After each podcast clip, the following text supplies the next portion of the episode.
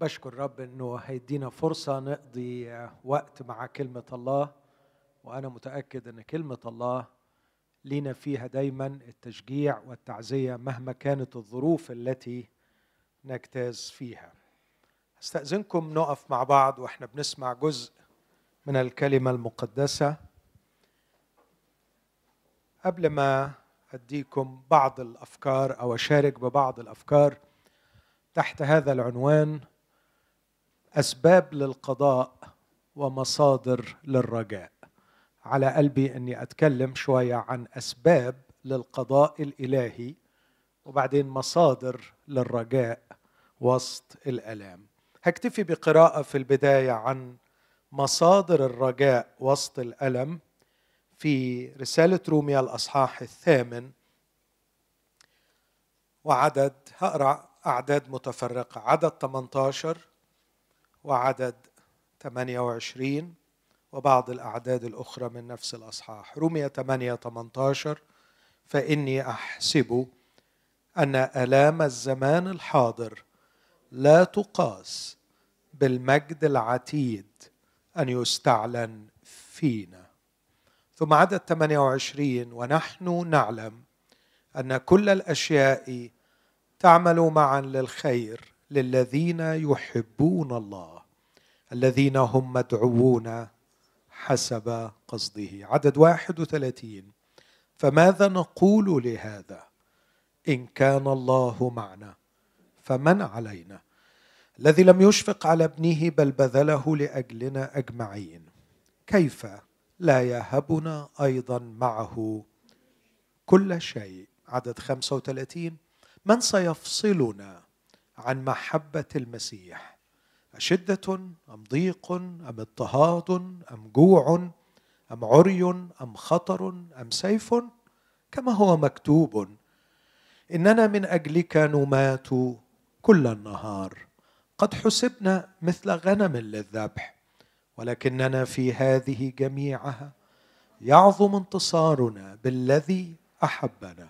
فإني متيقن أنه لا موت ولا حياة ولا ملائكة ولا رؤساء ولا قوات ولا أمور حاضرة ولا مستقبلة ولا علو ولا عمق ولا خليقة أخرى تقدر أن تفصلنا عن محبة الله التي في المسيح يسوع ربنا.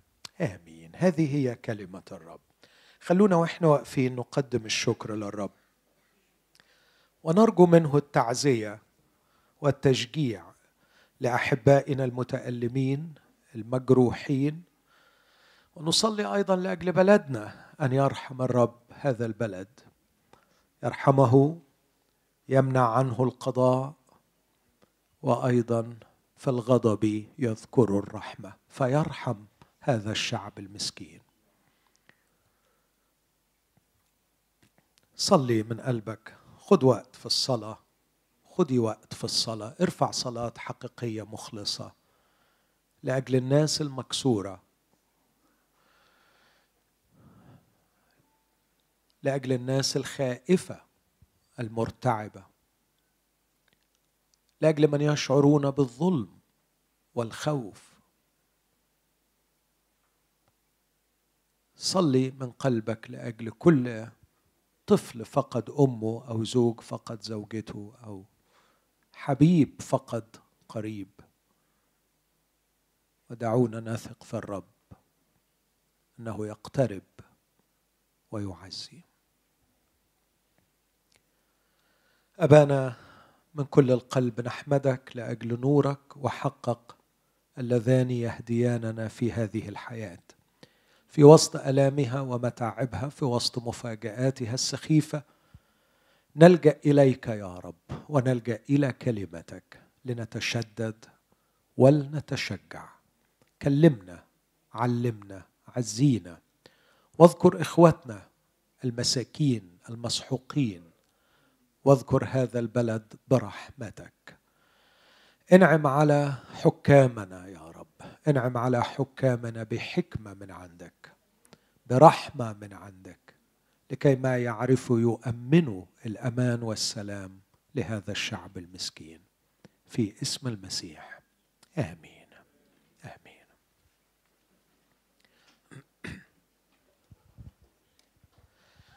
كل ما املكه يا أحبائي بالإضافة إلى الصلاة من أجل بلدنا ومن أجل الناس المسكينة هو أن أشارك بكلمة الله وكلمة الله مملوءة آه، بما ينير أذهاننا وبما يشكل عقولنا لكي نعرف كيف نفهم ما نجتاز فيه وكيف نتفاعل بصورة صحيحة مع الظروف التي نجتاز فيها. عشان كده على قلبي أقرأ معكم الكتاب. أنا بحب أقرأ كلمة الله واللي هعمله معاكم إن أنا هقرأ الكتاب وأمر عليه مرور سريع على ما أقرأه من أصحاحين. هقرا من اشاعيا خمسة آه تحت هذا العنوان أسباب للقضاء. إمتى ربنا بيقضي على ناس؟ وهقرا من رومية 8 مصادر للرجاء. ومن خلال معرفتنا لفكر الله متى يقضي؟ أعتقد إن إحنا هنقدر نفهم أشياء كتير. وأيضا ما هي مصادرنا للرجاء والعزاء؟ أعتقد ده ممكن يدينا آه، فرصة أن نتعزى تعزية حقيقية بما في الكتب. خلونا نفتح اشاعيا خمسة.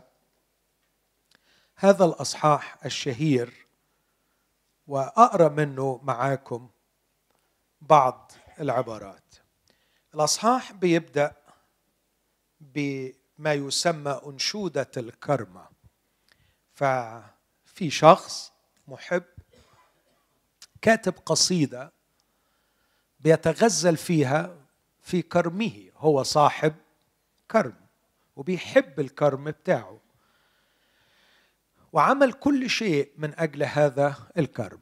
لكن واضح أن نفسه حزينة لأنه كرمه لم يصنع عنبا جيدا. فهو كاتب قصيدة فيها رثاء بيرثي هذا الكرم. آه، وبعدين بيقول هيعمل إيه مع الكرم اللي ما جابش ثمر؟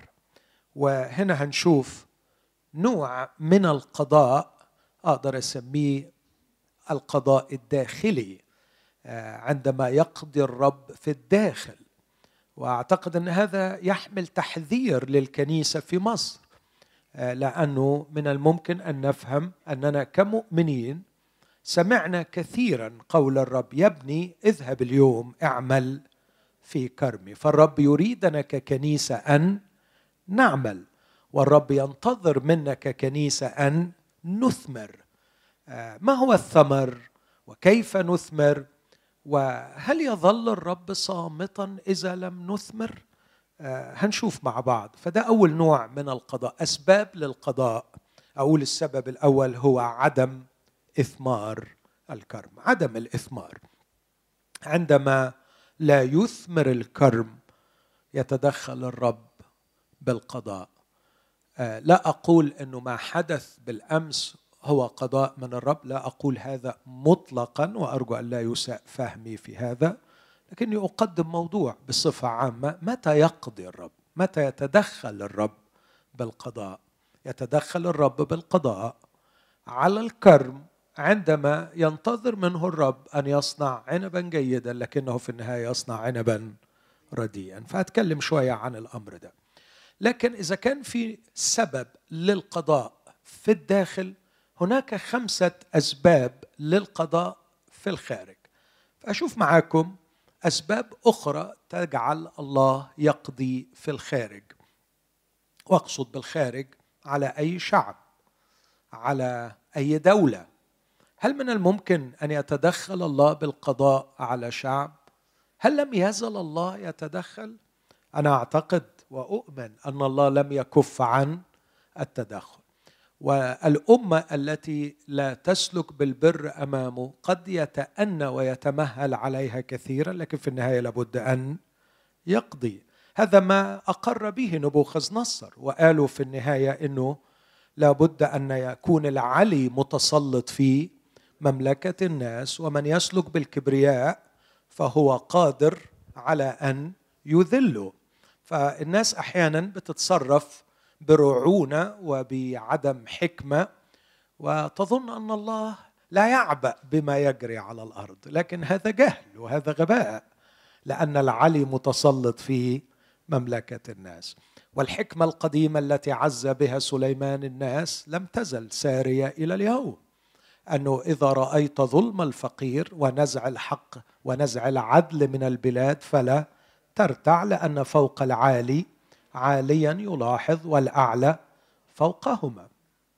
وفي سفر عموس الرب بيقول إن عيناه في كل الأرض ويراقب والأمة التي لا تسلك بالبر الرب يقضي ويمارس قضاءه في عموس تسعة. آه لكن متى يكتمل إثم بلد للقضاء. متى تصل دولة أو يصل شعب إلى حالة لابد أن الله فيها يقضي؟ هناك آه، أسباب تجعل الله يقضي. همر بسرعة أثناء حديثي على خمس أسباب تجعل الله يقضي على شعب.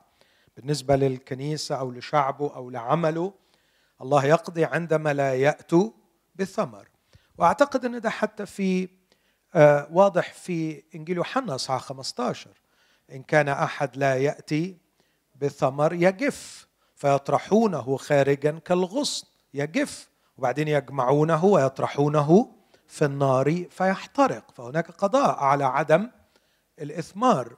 لكن بالنسبة للناس في الخارج هناك أسباب أخرى. في عدد ثمانية من إشعياء خمسة ويل للذين يصلون بيتا ببيت. هتكلم شوية عن الأمر ده. تحت عنوان جنون الامتلاك والقضاء الاقتصادي.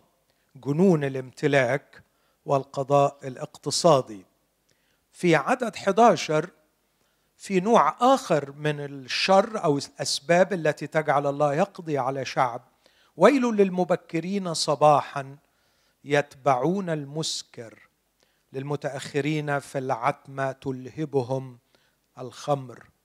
وصار العود والرباب والدف والناي والخمر ولائمهم وإلى فعل الرب لا ينظرون وعمل يديه لا يرون. لذلك سبي شعبي لعدم المعرفة.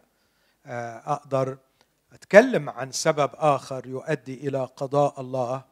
آه، أضع تحت عنوان النشاط المجنون للذة والكسل المخزي في المعرفة. آه، الناس تنشط بجنون من أجل اللذة والمتعة وللأسف الشديد يتكاسلون كسلا مخزيا من جهة البحث عن المعرفة. لذلك سبي شعبي لعدم المعرفة. الويل الثالث اراه في عدد 18 ويل للجاذبين الإثم بحبال البطل والخطية كأنه بربط العجل وبعدين يوصف الناس دول بيعملوا إيه؟ اللي اللي بيجروا الخطية لحجرهم وبيجيبوا البلا على رأسهم. الناس المدعية ادعاء باطل انهم فاهمين وعارفين وهم مش عارفين حاجة. آه، بيدعوا ادعاء فارغ عن طريق العلم والمعرفة لكن الحقيقة لا عندهم علم ولا معرفة لكن علمهم ومعرفتهم الكاذبة جعلتهم يظنون أن الله لا يسمع ولا يرى. القائلين شوف لغة السخرية ليسرع ليعجل عمله عدد 19 القائلين ليسرع ليعجل عمله لكي نرى وليقرب ويأتي مقصد قدوس إسرائيل لنعلم. ما يعمل حاجة يورينا شطارته يعني إذا كانوا يعني بلغتنا كأنهم بيقولوا لربنا آه، فين ربنا؟ آه، ويورينا شطارته لو هو فعلا بيقدر يعمل حاجة. النوع ده برضه بيخلي القضاء يأتي. في عدد عشرين يأتي الويل الرابع ويل للقائلين للشر خيرا وللخير شرا. ويل للقائلين للشر خيرا وللخير. شر. الجاعلين الظلام نورا والنور ظلام.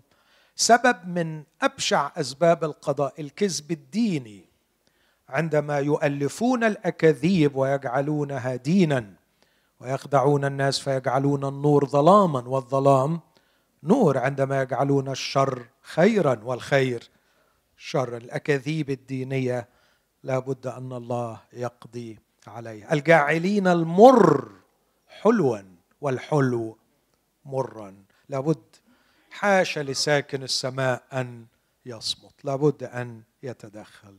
صحيح يتمهل كثيرا في القضاء يتأنى كثيرا لأنه لا يشاء أن يهلك أناس بل أن يقبل الجميع إلى التوبة. لكن في الآخر الله مضطر أن يفعل فعله الغريب ومضطر أن يقضي فلا بد أن يتدخل ويقضي. فهذا هو الويل الرابع أو السبب الرابع في الخارج للقضاء الإلهي. آخر نوع من القضاء هو هذا النوع الغريب في عدد 21 ويل للحكماء في أعين أنفسهم والفهماء عند ذواتهم. ويل للأبطال على شرب الخمر. هنا لا يتكلم عن خمر حرفية كما سنرى ولذوي القدرة على مزج المسكر. مين دول؟ الذين يبررون الشرير من أجل الرشوة. وأما حق الصديقين فينزعونه منهم. فساد الحكم وعوج القضاء. هذه الأسباب التي تجعل الله ينزل قضاءه على شعب معين. خمس أسباب في الخارج وهناك سبب في الداخل عدم إثمار الكرم. فمتى يأتي القضاء؟ يأتي القضاء إذا لم نثمر ككنيسة وإذا توفرت هذه الأسباب الخمسة في شعب. لكن من الجانب الثاني مش هنهي بهذه ال ال الأسباب المؤلمة للقضاء والتي أرجو أن نضعها في اعتبارنا عشان نصلي من أجل شعبنا فلا يقضي الرب عليه وأن نعمل مع الرب لكي في الغضب يذكر الرحمة لكن سأنهي بثلاثة مصادر للرجاء. الكتاب المقدس مش بس بيشرح أسباب القضاء لكن بيقدم أسباب ومصادر الرجاء. ما هي مصادر الرجاء؟ في رومية 8 هنشوف ثلاث مصادر مع بعض. هنشوف مجد الله وسلطان الله ومحبة الله. عندما نتأمل في مجد الله ونتأمل في سلطان الله ونتأمل في محبة الله. قلوبنا ستمتلئ من جديد بالرجاء. أمين؟ يعني عندنا شوية شغل مش قليلين نعدي عليهم ونحاول نتعلم مع بعض. مش بغرض إن إحنا بس نتعلم لكن ليه رجاء واحد إن الرب يخلينا نصلي من أجل بلدنا؟ وأنا شايف إن إحنا تراخينا في الصلاة فمحتاجين إن إحنا نصلي. لكن أثناء الكلام أكيد كلامي آه، هيربط شئت أم أبيت أنا؟ سيربط بما حدث بالأمس. وعشان كده حابب أوضح أمر يعني أقول بكل صدق إن حزني وانكسار قلبي على ما حدث ليس على مسيحيين قد قتلوا لكن على مصريين قد قتلوا. وحزننا عليهم لا يزيد قط قط. عن حزننا على أي مصري يقتل في أي مكان بغض النظر عن انتمائه الديني أو الوظيفي. ما يكسر القلب ربما آه، بزيادة بعض الشيء أنهم مصريين مصريين يصلون قتلوا وهم يصلون. آه، وأبسط حقوق المواطنة تلزم الدولة أن توفر لهم الرعاية والحماية. فعندما يضيع الحق في التمتع برعاية وحماية أعتقد أن الأمر يصبح خطير ويقتل الإنسان لمجرد أنه يختلف في الدين. يعني قد يكون مفهوما أن يقتل شخص لمعاداته لتيار معين أو فكر معين لكن أن يقتل إنسان لمجرد أنه يصلي. أعتقد أن ده شيء يجعلنا نصرخ إلى الله أن ينظر وأن يتدخل. لكن يبقى أن من آه، قتل يثير حزننا لا على مسيحي لكن يثير حزننا على مصري. حرم من حق المواطنة التي تكفل له المفروض الرعاية والحماية في داخل بلده. آه، فأرجو أن لا يربط كثيرا ما أقوله بما حدث لكني أتكلم بصفة عامة عن أسباب للقضاء. خلوني أبدأ بسؤال. هل الله يقضي؟ هل الله يقضي؟ مش الحقيقة مش ألطف حاجة الناس تحب تسمع عنها. إحنا تعودنا في الكنائس إن إحنا نحب نسمع عن محبة الله لكن ما بنحبش نسمع عن قضاء الله. بس اسمحوا لي أقول يا أحبائي هذا نوع من الكسل الفكري إن إحنا ما نحبش نسمع عن قضاء الله. وأتذكر في هذا الاجتماع من أكثر من عشرين سنة قدمت سلسلة عظات عن غضب الله. وأرجو أن نعلم أن قضاء الله وغضب الله تعبير عن محبة الله. فالإله المحب لابد أن يغضب. لو رأيت ابني يظلم ويقهر ويغتصب ووقفت لا أغضب ولا أتدخل لا أستطيع أن أسمي نفسي ابا محبا. إيه رأيك لو لقيت أب بيشوف الظلم يجري وهو لا يعبأ؟ أعتقد إن ده أب لا يمكن يكون أب محب. ولا أب طبيعي فعلا. فالأب المحب الله المحب لابد أن يغضب. والإله الذي لا يغضب غير جدير بالعبادة لأنه سيرتبط به دائما الظالم. أما المظلوم فليبحث له عن إله آخر. فالإله الغاضب لا يتناسب مع المظلوم. المظلوم يحتاج إلى إله يغضب. ويقضي ويتدخل بالقضاء. اذا لابد أن نعرف أن قضاء الله وغضب الله هو في قلب محبة الله فحيث يوجد الشر يواجه الله الشر بالقضاء وبالغضب وبالدينونة. الأمر الثاني الذي أريد أن أوضحه بعض المسيحيين لا يحبون كلمة منتقم. لكني أود أن أؤكد أن الله في الكتاب المقدس إله منتقم. وأعتقد انه من يبني لاهوته المسيحي على خيالات الرومانسية عن الله فهي مسؤوليته الشخصية. لكن من يريد أن يبني لاهوته وتعليمه على كلمات الكتاب المقدس لابد أن يعلم أن إله الكتاب المقدس إله منتقم. وهذا ليس فقط في العهد القديم لكنه أيضا في العهد الجديد. لكن الفكرة الفكر الجميل في العهد الجديد وفي العهد القديم أن الانتقام ليست وظيفة الإنسان. في رومية 12 يقول الكتاب لا تنتقموا لأنفسكم أيها الأحباء. ليه؟ ليه ليه لا ننتقم لأن الانتقام شر؟ لا بالعكس. الكتاب بيقول أن الحاكم هو خادم الله مقام من الله خادم الله مقام من الله من أجل الانتقام من فاعلي الشر. ده كلام الكتاب في رومية 13 فالحاكم شغلته أن ينتقم من فاعل الشر. وعلى فكرة إذا لم ينتقم من فاعل الشر لسبب سياسي لسبب ديني لسبب لا نعلمه فالله سيطالبه هو بدماء الأبرياء. فالحاكم خادم الله من أجل ممارسة وظيفة مهمة هي الانتقام من فاعل الشر. وأي تراخي في الانتقام من فاعل الشر يكلف الحاكم كثيرا.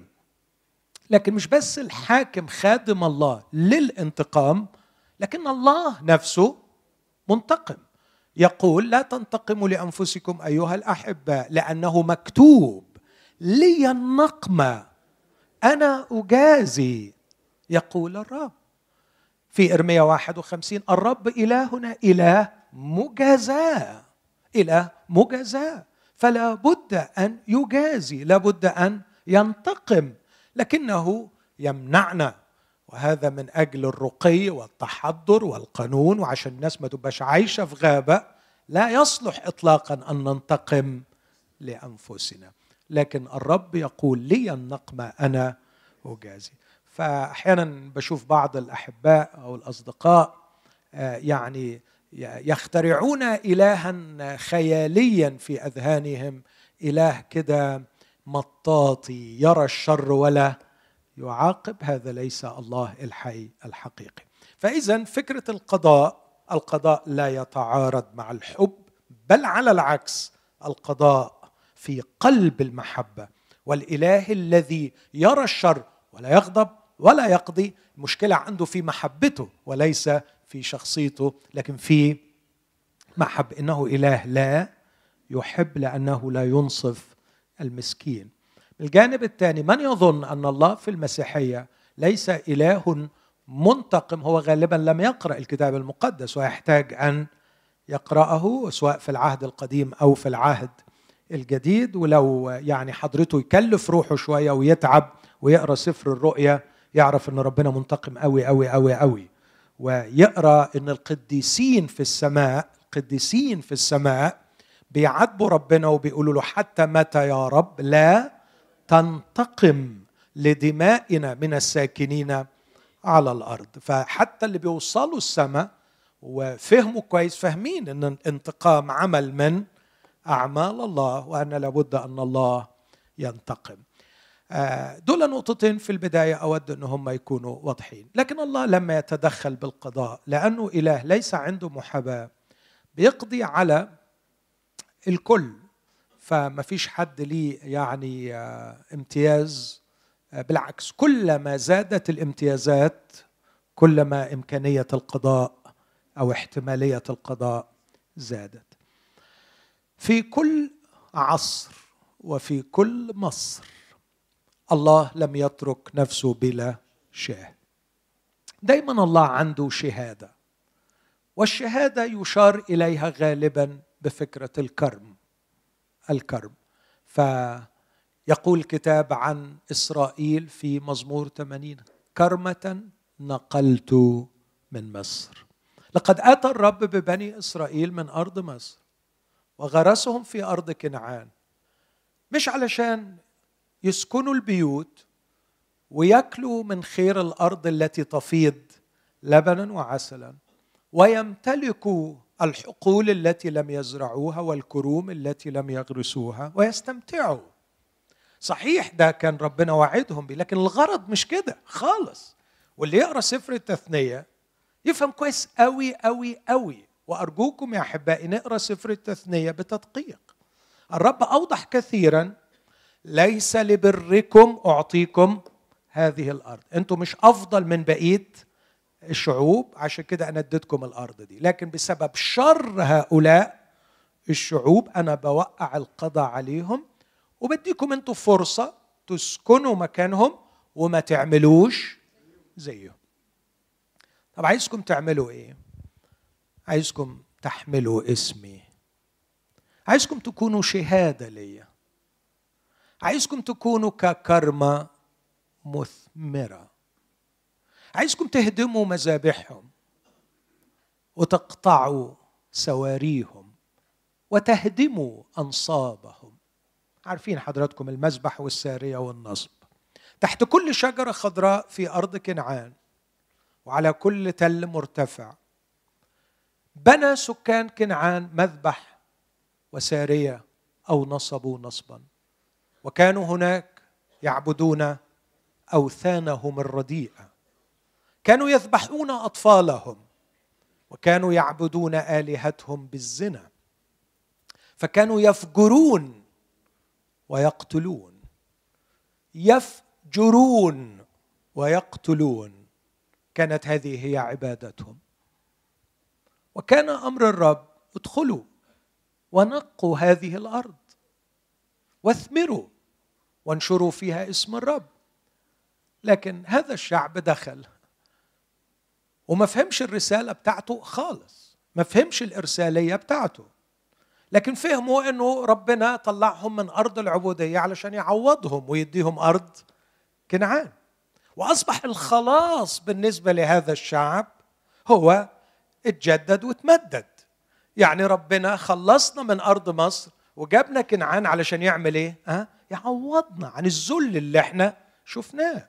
وأقدر أقول إن مسيحيين كتير في مصر اليوم اللي المفروض يكونوا كرم الرب الذي يثمر للرب اعتبروا أن الخلاص هو حالة شخصية جميلة يتمتعوا بها بأن يتمتعوا بحماية الرب في الدنيا وبالأخرة الصالحة في الأخرة. فيروحوا السماء ينجوا من الجحيم ولغاية ما يروحوا السماء هنا في الدنيا ربنا يحوط عليهم ويحفظهم ويحميهم. ونسوا أن الخلاص هو إرسالية. الخلاص ميشن الخلاص دعوة للإثمار. آخر ليلة في حياة الرب يسوع على الأرض.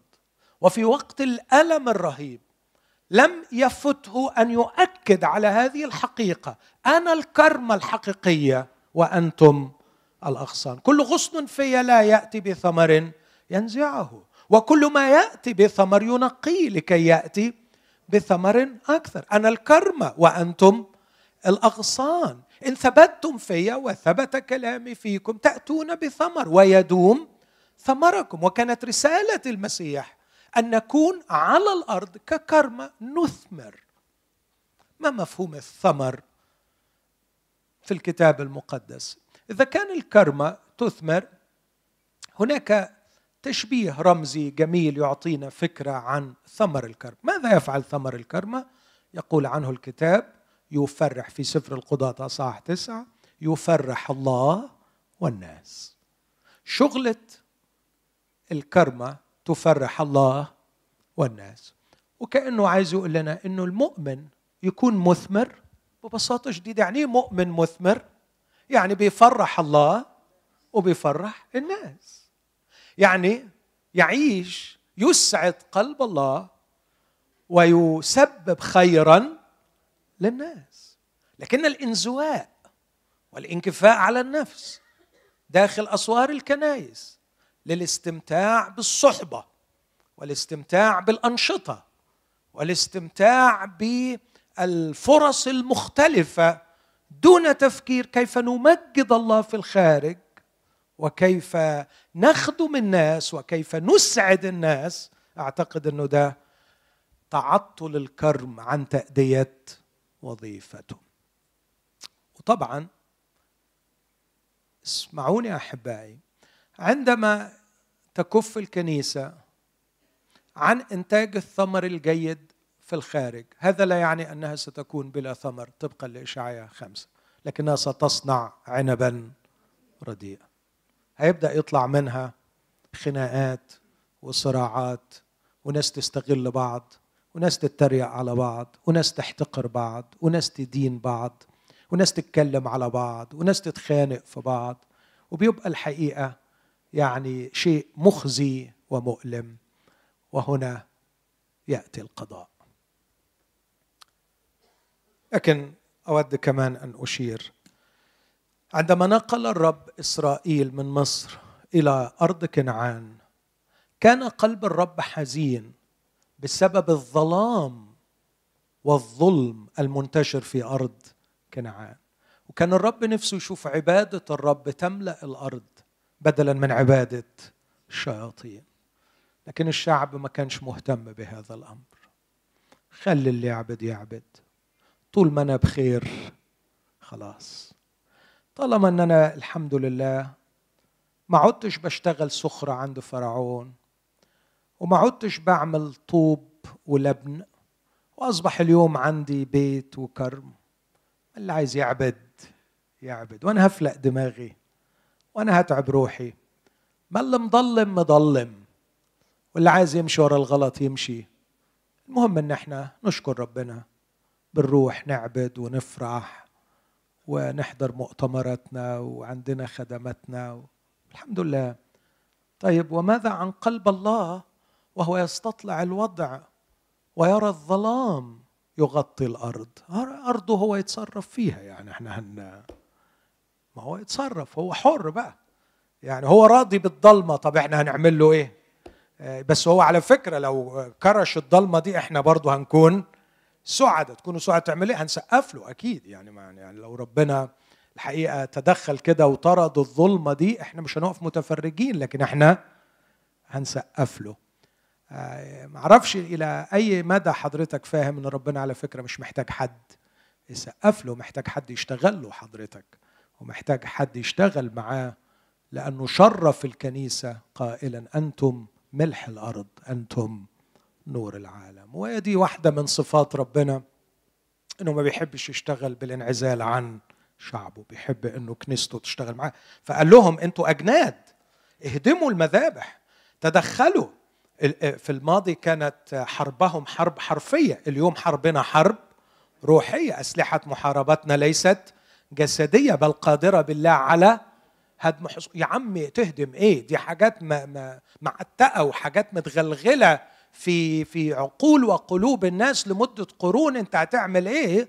بس بولس بيقول أسلحة محاربتنا قادرة بالله على هدم حصون هادمين ظنونا وكل علو يرتفع ضد معرفة الله ومستأثرين كل فكر لطاعة المسيح. أهو بص بقى الكلام ده اللي يوجع القلب. يا عم عايزين ناكل عيش وعايزين نعيش كده نقضي يومنا بخير. وبعدين على فكرة أقول لك على خبر الرب جاي قريب.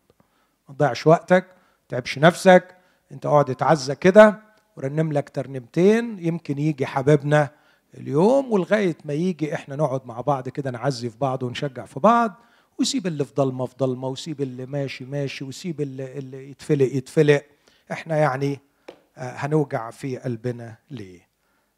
هذا هو الكرم الذي لم يثمر. يعمل إيه الرب للكرم الذي لا يثمر. اسمع بيقول إيه. لأنشدن عن حبيبي نشيد محبي لكرمه. واحد بيحب كرمه. كان لحبيبي كرم نشيد محبي لكرمه. كان لحبيبي كرم على أكمة خصبة. فنقبه ونقى حجارته وغرسه. كرم سورق. وبنى برجا في وسطه ونقر فيه أيضا معصرة فانتظر أن يصنع عنبا فصنع عنبا رديئا. والآن يا سكان أورشليم ورجال يهوذا احكموا بيني وبين كرمي. ماذا يصنع أيضا لكرمي وأنا لم أصنعه له؟ لماذا إذا انتظرت أن يصنع عنبا صنع عنبا رديئا؟ أنا شخصيا أعتقد إن مصر بالذات من أكثر البلاد اللي الرب أكرمها روحيا بأشياء كثيرة. أكرمها بمعرفة كتابية أكرمها بخير روحي كثير جدا. أعتقد أن الرب أعطى هذا البلد كل الإمكانيات التي تجعلها قادرة أن تصنع عنبا جيدا. أنا خايف الحقيقة خايف لأنه في بلاد كثيره حوالينا لا يتوفر لها ما توفر لهذا البلد. بس للأسف الشديد أقول بقلب حزين الكنايس مشغولة بحاجات كتير جدا والخدام عندهم قضايا كتير مشغولين بيها والقادة لديهم صراعات تستهلك طاقتهم بعيدا عن الإنارة في وسط هذا البلد المسكين. لكن الرب في النهاية يقول في عدد خمسة فالآن أعرفكم ماذا أصنع بكرمي؟ أنزع سياجه فيصير للرعي أهدم جدرانه فيصير للدوس.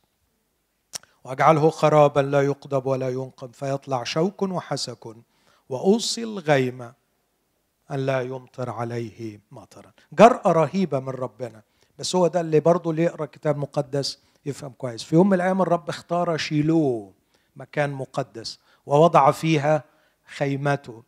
بس للأسف إسرائيل لم يثمر ولم يحترم إكرام الرب ليهم. وبعدين في يوم من الأيام طلعوا يحاربوا في صمويل الأول أربعة فراحوا بعتوا خدوا تابوت. وبعدين آه، قالوا حصلت قبل كده أيام يشوع لما طلع التابوت الشعب بتاعنا إيه اللي جراله انتصر. فخدوا التابوت وراحوا المعركة وحفني وفنحاس شايلين التابوت. وهتفوا هتافا حتى ارتجت الأرض فالفلسطينيين اترعبوا وقالوا ويل لنا ضعنا آه، لأن هم دول الآلهة اللي صنعوا كل العجائب بأرض مصر. آه، لكن اللي حصل في اليوم ده شيء مخيف. رجع رسول من المعركة كانوا على فكرة اللي قبليها المعركة اللي قبليها اتقتل منهم أربعة آلاف وعشان كده فكروا في أنهم ياخدوا التابوت. فلما خدوا التابوت وهتفوا الهتاف ده كانت النتيجة كالآتي. رجع الرسول بيقول لعالي الكاهن قال له هذه الكلمات. قال له ثلاثين ألف ماتوا. حفني وفنحاس ماتوا. لكن الخبر السيء وتابوت الرب أخذ. وعندما سمع هذا الرجل أن التابوت أخذ وقع وانكسرت رقبته ومات. وذهب نفس الرسول إلى امرأة حفني وقال لها إن زوجك مات. لكن الشيء الغريب عندما قال لها أن التابوت أخذ انقلب مخاضها وولدت ابنا ودعت اسمه إيخابود أي زال المجد. وقبل الرب أن يؤخذ التابوت وأن يوضع في بيت إله إله الفلسطينيين اللي هو داجون. وكان الله قادر يمجد نفسه في بيت داجون طالما أن شعبه لم يمجده في شيلو. فالتابوت لم يكرم في شيلو. عندما كان التابوت في مكانه لم يكرم وكان ولاد عالي كان بيرتكبوا الشر في حضرة التابوت.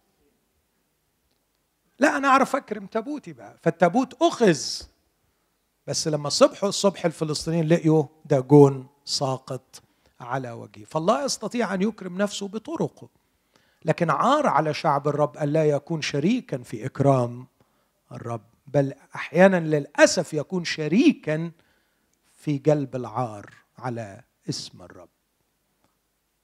لا أريد أن أتوسع في هذا الأمر لكن يا لهول القضاء عندما يشترك من عليهم مسؤولية تمجيد الله في جلب العار على اسم الله. إذا حصلت لا ربنا لابد أن يقضي. انقل بسرعة للقضاء في الداخل. في الداخل في خمس ويلات همر عليهم كل واحدة بالكثير دقيقتين. النوع الأول هو جنون الامتلاك والقضاء الاقتصادي. ويل للذين عدد ثمانية. للذين يصلون بيتا ببيت. هل الله بيهتم بالعدل الاجتماعي؟ هل الموضوع ده يفرق مع ربنا يعني؟ يعني هل لما ربنا يبص على بلد ويلاقي إن أكتر من 85% منها مش عارفين ياكلوا أكلة عدلة مش عارفين يناموا نومة عدلة مش عارفين يعيشوا عيشة عدلة هل ده موضوع يفرق مع ربنا ولا ما يفرقش. هل العدل الاجتماعي يفرق مع الله ولا الموضوع ما يفرقش؟ لا احبائي لابد أن نفهم واللي مش مش مصدق يقرأ سفر عموس. سفر عموس الناس على فكرة ما كانوش مقصرين في العبادة. بس ربنا قال لهم كلمة غريبة قوي عن العبادة بتاعتهم. قال له ابعد عني ضجة أغانيك ونغمة ربابك. لا. خلاص مش عايز أسمع ترنيم تاني. مش عايز العبادة دي تاني. روحوا انصفوا المسكين روحوا شوفوا الفقير. روحوا شوفوا الجعان روحوا شوفوا الغلبان روحوا شوفوا المظلوم اللي بيصرخ لسنين ومحدش بيسمع له. لكن بيوصف ضياع العدل الاجتماعي بأوصاف الحقيقة أنا شخصيا بشوفها أحيانا في مصر اليومين دول. بيقول مثلا هذه الكلمة يصلون بيتا ببيت ويقرنون حقلا بحقل حتى لم يبقى موضع. فصرتم تسكنون وحدكم في وسط الأرض.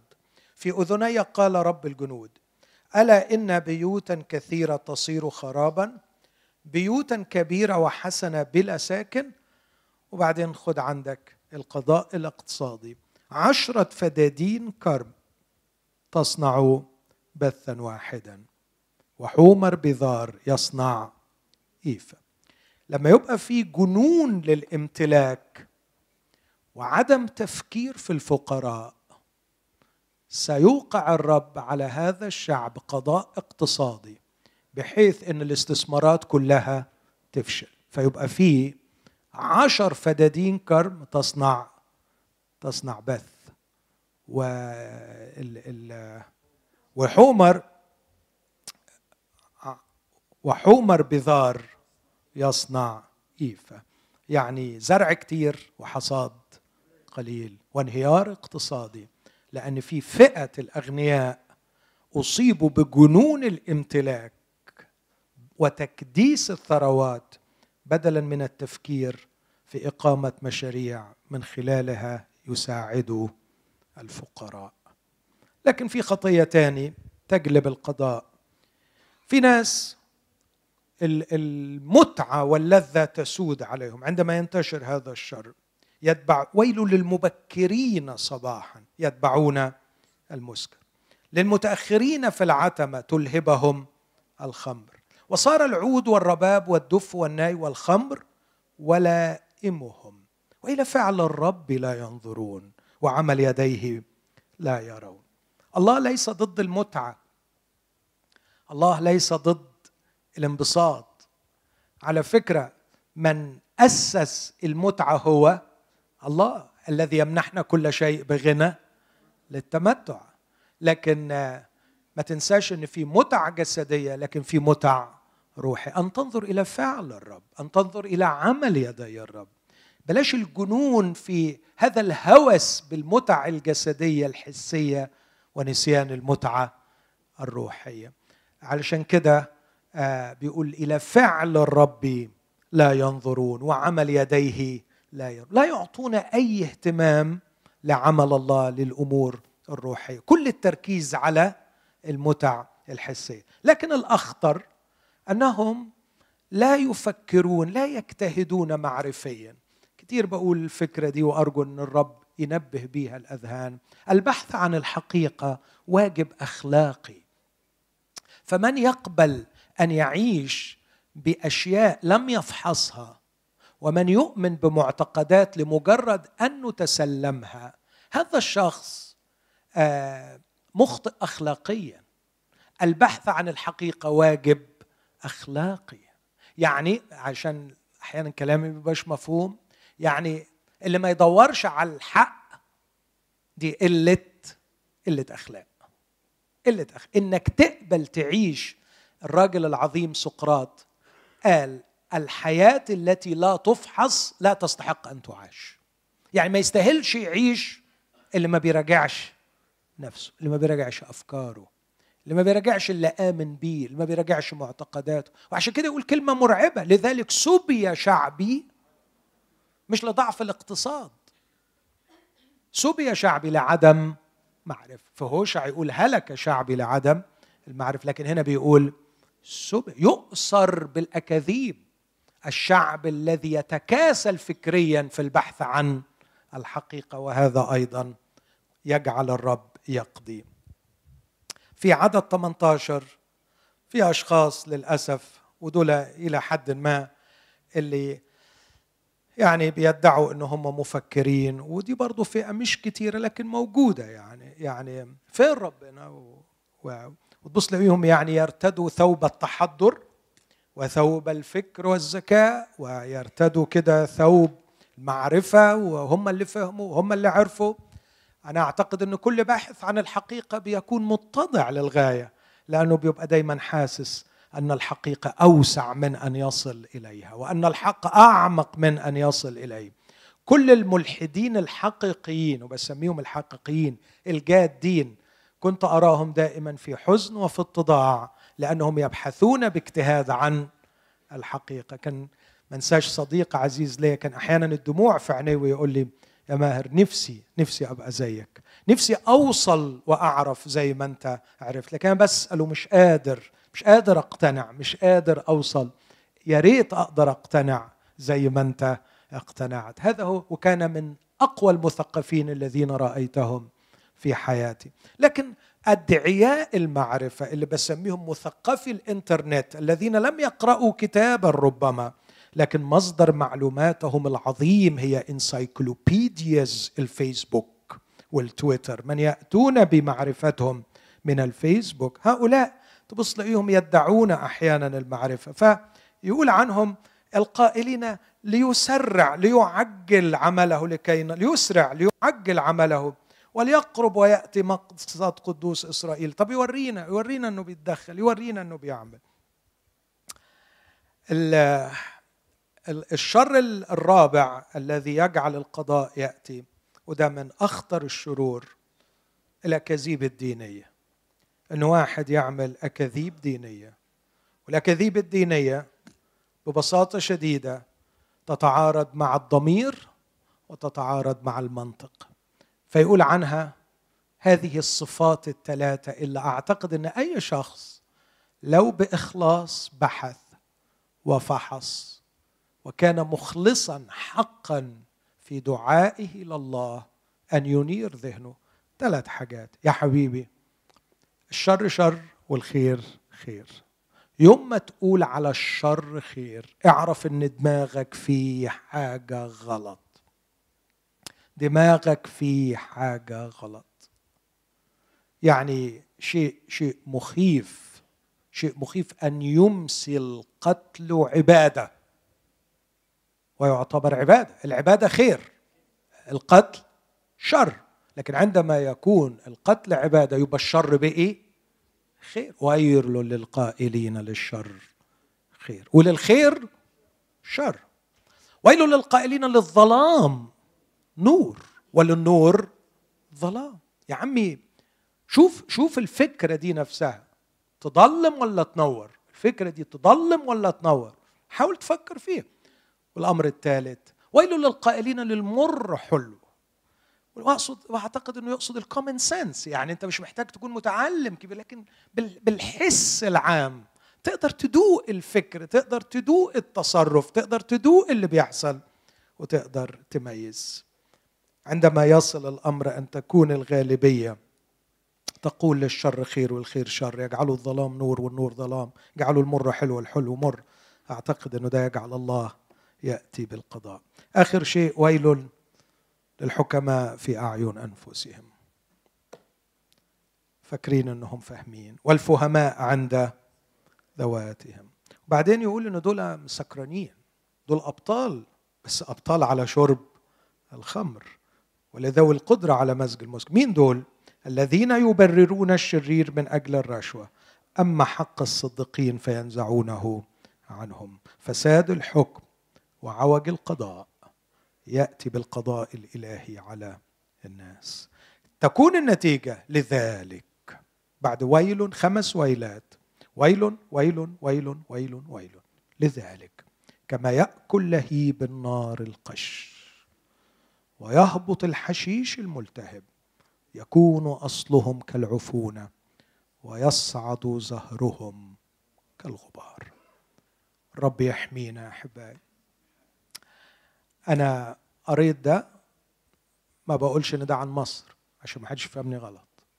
ده عن بني إسرائيل وده حصل والرب قضى على بني إسرائيل. بس دي الحاجات اللي بتغيظ ربنا وبتخلي ربنا يعمل إيه؟ يقضي. وزي ما قضى على دول ممكن يقضي على أي شعب. إحنا بقى شغلتنا كإيه؟ ككنيسة. إذا لقينا الشرور دي موجودة في بلدنا المفروض نعمل إيه؟ نصرخ ونصلي. على الأقل ما نعملهاش. مش كده؟ نخلي بالنا ما نعملهاش. والحاجة الثانية إن إحنا نصرخ لربنا ونقول له يا رب حوش. يا رب حوش. في الغضب أذكر الرحمة. ونجاهد مش بس إن إحنا لا نرتكب هذه الشرور لكن نساعد شعبنا ونساعد أحبائنا أن لا يسقطوا تحت هذه الشرور نعمل زي بولس. بولس راح للناس قال لهم الله يأمر الآن جميع الناس في كل مكان أن يتوبوا متغاضيا عن أزمنة الجهل. بس خلي بالكم لو ما فيش توبة نكمل الآية لأنه أقام يوما. هو فيه مزمع أن يدين المسكونة بالعدل برجل قد عينه إذ أقامه من الأموات مقدما للجميع. الكرازة بالتوبة التوبة عن عدم العدل الاجتماعي التوبة عن جنون الامتلاك التوبة عن الكسل المعرفي التوبة عن عدم التمييز. نحتاج أن نكرز بالتوبة إلى شعب وألا ده لو بنحبهم. ده لو بنحبهم. مش بنكرز عشان علشان نزود المسيحيين واحد اطلاقا. إحنا نكرز للناس في أي مكان من أي خلفية نكرز لهم بالتوبه إلى مين؟ إلى الله. لئلا يأتي عليهم قضاء الله لأنه هناك قضاء وهناك دين. أما بقى مسألة يقبل المسيح ولا ما دي مسؤوليته هو. دي شغلته هو. لكن علينا أن نكرز بالتوبة لئلا يأتي القضاء. لكن في وسط هذا المشهد المؤمن الحقيقي الغصن المثمر في الكرمة لديه الغصن المثمر في الكرمة. لديه ثلاثة مصادر للرجاء. أمر عليهم مرور سريع في روميا 8 المصدر الأول هو مجد الله. المصدر الثاني هو سلطان الله. والمصدر الثالث هو محبة الله. مجد الله في عدد 17 من رومية 8 يقول فإن كنا أولادا فإننا ورثة أيضا. ورثة الله ووارثون مع المسيح. يا للجمال. الوراثة دايما تتكلم عن شيء مستقبلي مظبوط؟ أورث في المستقبل. إن كنا نتألم معه لكي نتمجد أيضا معه. هنتمجد معاه قد إيه؟ قال لك هقول لك إني أحسب أن آلام الزمان الحاضر اللي هنتألمها معاه لا تقاس بالمجد العتيد أن يستعلن فينا. خلينا نعلق على العبارة دي بعض التعليقات. أولا هنا ليس نتألم لأجله لكن نتألم معه. في فرق بين التألم من أجله ده نقرأ عنه كتير مثلا في في أماكن كتير قوي لما يقول طوبى لكم إذا عايروكم واضطهدوكم و و و من أجلي. في إذا عيرتم باسم المسيح. ففي ألام من أجل اسم المسيح. في ألام أخرى من أجل البر.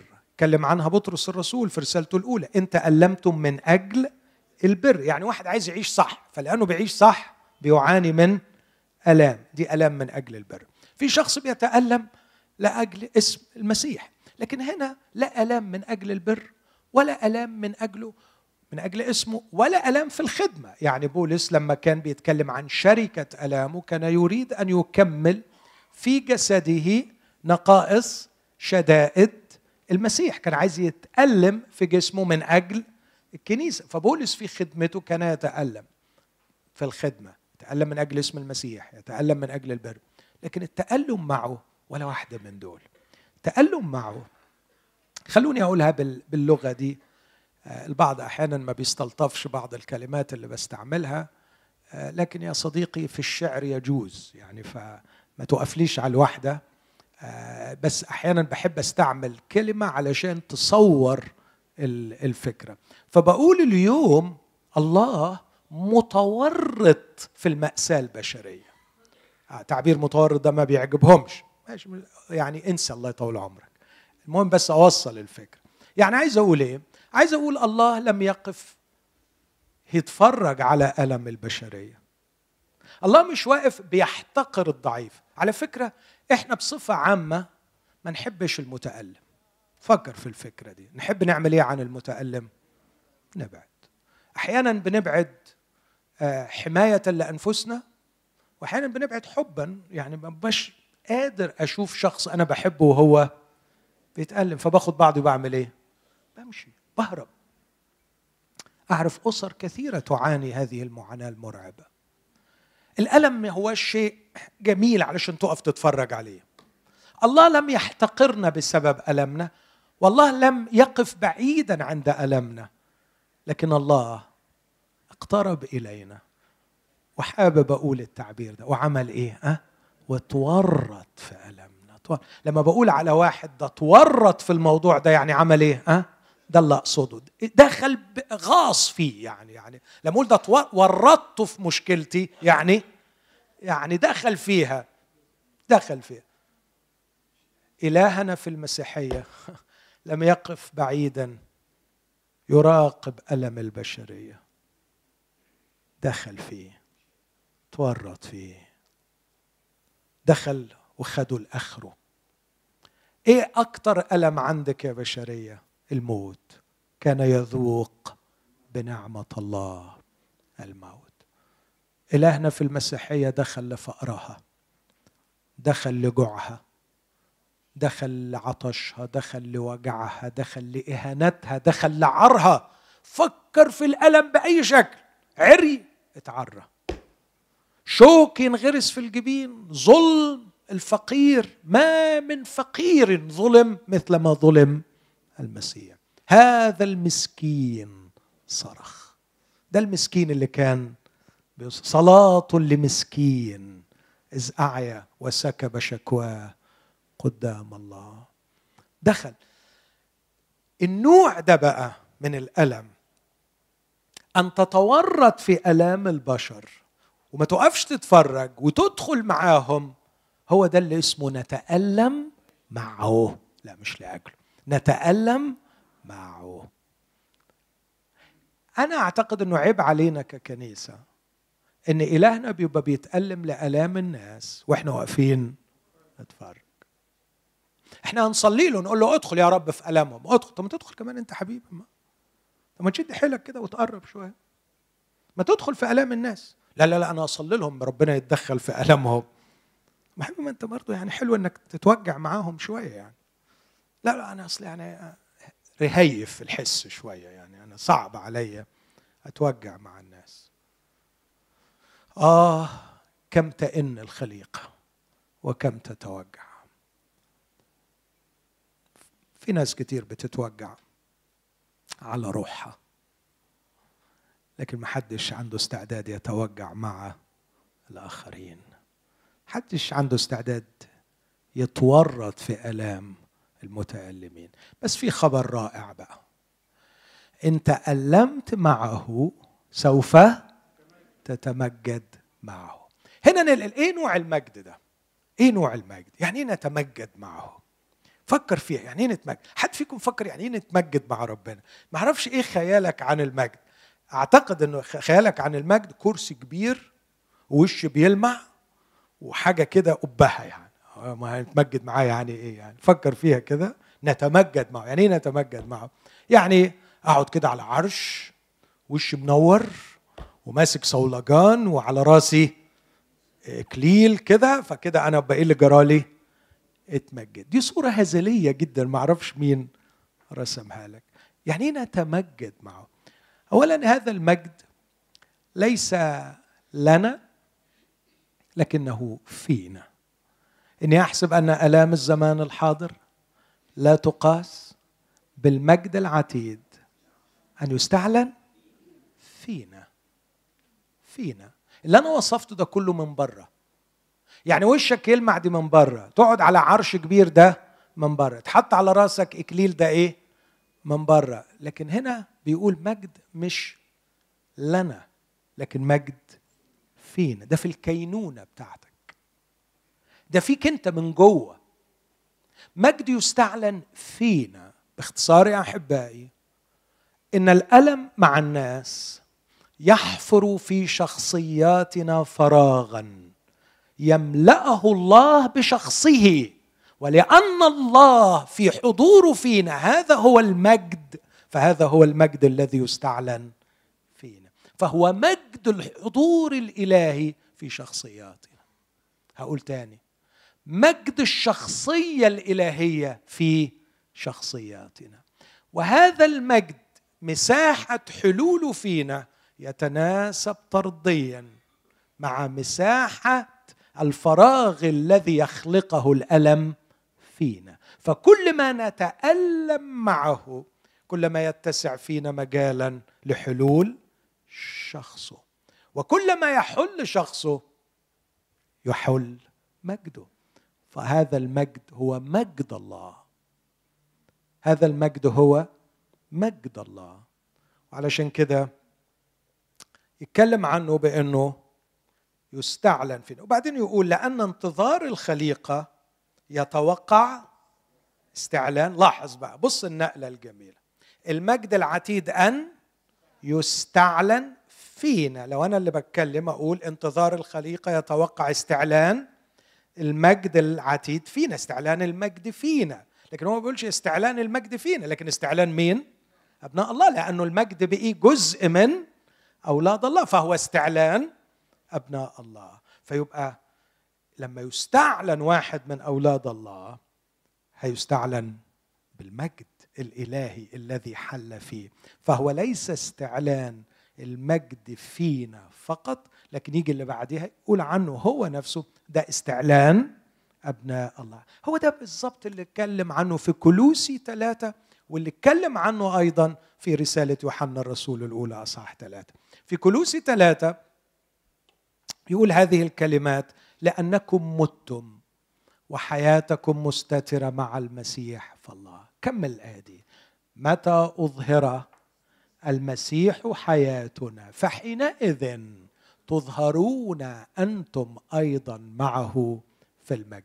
في يوحنا الأولى انظروا أية محبة أعطانا الآب حتى ندعى أولاد الله. لسنا نعلم ما سيكون لكن نعلم أنه إذا أظهر نكون مثله لأننا سنراه كما هو. لكن يقينا مساحة استعلان مجد الحضور الإلهي في كل واحد فينا ستختلف عن الآخر بقدر ما استطاع الألم أن يحفر فينا الألم معه إن كنا نتألم معه نتمجد أيضا معه. انتظار الخليقة يتوقع استعلان أبناء الله. وهنا بيقدمها كحيثية لوضع هذا الفارق بين ألام الزمان الحاضر والمجد العتيد. بيقول يا جماعة آلام الزمن الحاضر لا تقاس بالمجد العتيد. ليه لا تقاس يعني؟ يقول أقول لك لأنه انتظار الخليقة متوقعة. فما دام الخليقة كلها منتظرة هذا الأمر يبقى أكيد المجد ده حاجة عظيمة جدا وحاجة كبيرة جدا. طب إيه انتظار الخليقة اللي بيتوقع؟ قال لك أصل الخليقة كلها تعبانة. الخليقة كلها أخضعت للبطل. ليس طوعا بل من أجل الذي أخضعها على الرجاء. لأن طبعا ده محتاج شرح كتير لكن أنا هقول بسرعة. لأن الخليقة نفسها أيضا بص ستعتق من عبودية الفساد إلى حرية مجد أولاد الله. الحرية هنا مش بتاعت أولاد الله لأنه الخليقة هي اللي هيجرى لها إيه؟ هتعتق. تعتق من العبودية. لما تعتق من العبودية يبقى الخليقة جاية لها حرية يبقى الحرية دي حرية الخليقة مش حريتنا إحنا. لكن الحرية اللي هتتمتع بها الخليقة تتمتع بها تحت أولاد الله المتمجدين تحت سيادة أولاد الله المتمجدين. فحرية الخليقة دي اسمها حرية مجد أولاد الله. فالخليقة هتموت على اليوم ده. إمتى يستعلن المجد فيكم؟ إمتى بقى يأتي اليوم؟ الذي يحضر الله بكل مجده فيكم وتتغير أجسادكم ويستعلن المجد فيكم فيأتي يوم حريتنا ونعتق من عبودية الفساد. وأعتقد أن الخليقة هنا لا تشمل الأرض فقط بل كل الخليقة بما فيها السماوات التي أحيانا نراها كأنها خربة ومخضعة للبطل ومش فاهمين لها معنى ومش عارفين النجوم دي يعني من ساعة آخر آه، كوكب اكتشفوه في نهاية القرن الماضي القرن العشرين من من حوالي 30 سنة لغاية النهاردة اكتشفوا 200 كوكب تايهين بره المجموعة الشمسية. 200 كوكب تايهين. دي مش نجوم لكن كواكب تايهة. إيه الكواكب اللي تايهة؟ وإيه النجوم اللي ملهاش عدد؟ وإيه المعنى من ده كله؟ تقدر تقول اخضعت الخليقة للبطل إحنا مش عارفين المعنى لكن الوضع ده هينتهي. وستعتق الخليقة من عبودية الفساد، الفساد هنا يعني التحلل والانفصال واللا معنى إلى حرية معينة عندما يتمجد أولاد الله، أولاد الله يسودوا بالمجد. هذا المجد البديع أكتفي بالكلام عنه، لكن الأمر الثاني الذي أعتبره مصدر عظيم للرجاء هو سلطان الله. وفي وسط الألم وفي وسط الخليقة المتألمة بولس بيقول إحنا متوقعين مع الخليقه زي ما الخليقة بتتوقع استعلان أبناء الله إحنا متوقعين التبني فداء أجسادنا. عدد 24 لأننا بالرجاء خلصنا. لكن الرجاء المنظور ليس رجاء لأن ما ينظره أحد كيف يرجوه أيضا. ولكن إن كنا نرجو ما لسنا ننظره فإننا نتوقعه بالصبر طب لغاية ما يحصل بقى نعمل إيه؟ ما تقلقش ابدا. وأنت صابر ومستني عماله تحدث حولك أشياء كثيرة. تذكر سلطان الله الذي يجعل عدد 28 كل الأشياء تعمل معا للخير للذين يحبون الله الذين هم مدعوون حسب قصده. لأن الذين سبق فعرفهم سبق فعينهم ليكونوا مشابهين صورة ابنه ليكون هو بكر بين إخوة كثيرين. والذين سبق فعينهم فهؤلاء دعاهم أيضا. والذين دعاهم فهؤلاء بررهم أيضا. والذين بررهم فهؤلاء رجعنا تاني لحكاية المجد. مجدهم. فماذا نقول لكل هذا؟ إن كان الله معنا فمن عليه. إذا سلطان الله يعمل في الألم لتحقيق المجد. فالعين محطوطة على مجد الله بس الخبر الرائع كل ما يؤلم على الأرض تحت سلطان الله والله يجعله مجبرا يؤدي بنا في النهاية إلى مجد الله. فإيه الخير؟ أنه مزيد من حلول المجد. الخير مش وسع ممكن يكون ضيق. فكان خير بولس في السجن مزيد من حلول المجد فيه. فكل الأشياء تعمل مع الخير الخير مش من حسب تعريفاتي وتصوراتي وخيالاتي وأحلامي وأوهامي لكن الخير كل ما يؤدي إلى مزيد من حلول المجد فيا. لكن مصدر الثالث والبديع ما ينسيش ما يختمش الرسول وينسى إنه يتكلم عن أروع مصدر من سيفصلنا عن محبة المسيح. أنت متألم خلاص ركز معانا بختم. أمامك المجد وحجم المجد الذي سيحل فيك يتناسب مع حجم الألم الذي تشترك فيه الآن.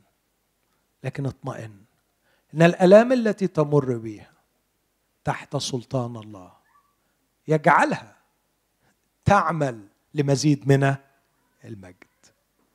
لكني موجوع المحبة تطبطب عليك. إزاي؟ اسمع. المسيح هو الذي مات بل بالحري قام أيضا. الذي هو أيضا عن يمين الله الذي يشفع فينا. تخافش. وأنت موجوع وأنت مسحوق بالألم. أنا عارف إنه ما يكفكش أقول لك على فكرة أخرتها مجد. والحاجات اللي بتحصل حواليك الله هيسخرها لمزيد من المجد. تقول لي أنا خلاص اقتنعت ومصدق وفرحان بكده بس أنا موجوع تعبان. شوف لي حد يساعدني. أقول لك شفت لك أحسن حد يساعدك. شفت لك أحسن حد. مين الحد ده؟ مش أنا على فكرة عشان بس يعني لا لا تفهم غلط. مش أنا خالص يعني. لكن في حد رائع. الحد ده أقول لك على إمكانياته. من فرط حبه مات لأجلك ومن فرط قدرته قهر الموت وقام ومن فرط عظمته جلس في يمين الله وهو هناك بكل الحب ده بكل القدرة دي بكل العظمة دي قاعد بيعمل إيه؟ يشفع فيك إيه رأيك في الشخص ده؟ إيه رأيك في الشخص ده؟ تخيل واحد بيحبك ومخليك أنت قضيته في الدنيا عنده ثلاث شهادات دكتوراهات دكتوراه في الحب دكتوراه في القدرة دكتوراه في العظمة الحب خلاه يموت المسيح الذي مات. القدرة عمل إيه؟ قام. العظمة فين تاني؟ أعلى من عرش الله جالس فيه يمين العظمة وهو قاعد فوق بقلبه المحب وقدرته العظيمة ومركزه الكبير قاعد ما بيعملش حاجة غير يشفع فينا. أظهر مرة عند انقضاء الدهور ليبطل الخطية بذبيحة نفسه لكنه الآن ظاهر أمام وجه الله.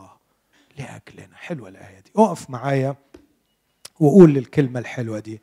ظاهر أمام وجه الله من أجلنا. ظاهر أمام وجه الله من أجلنا. فمن سيفصلنا عن محبة المسيح. تفضل يا سامي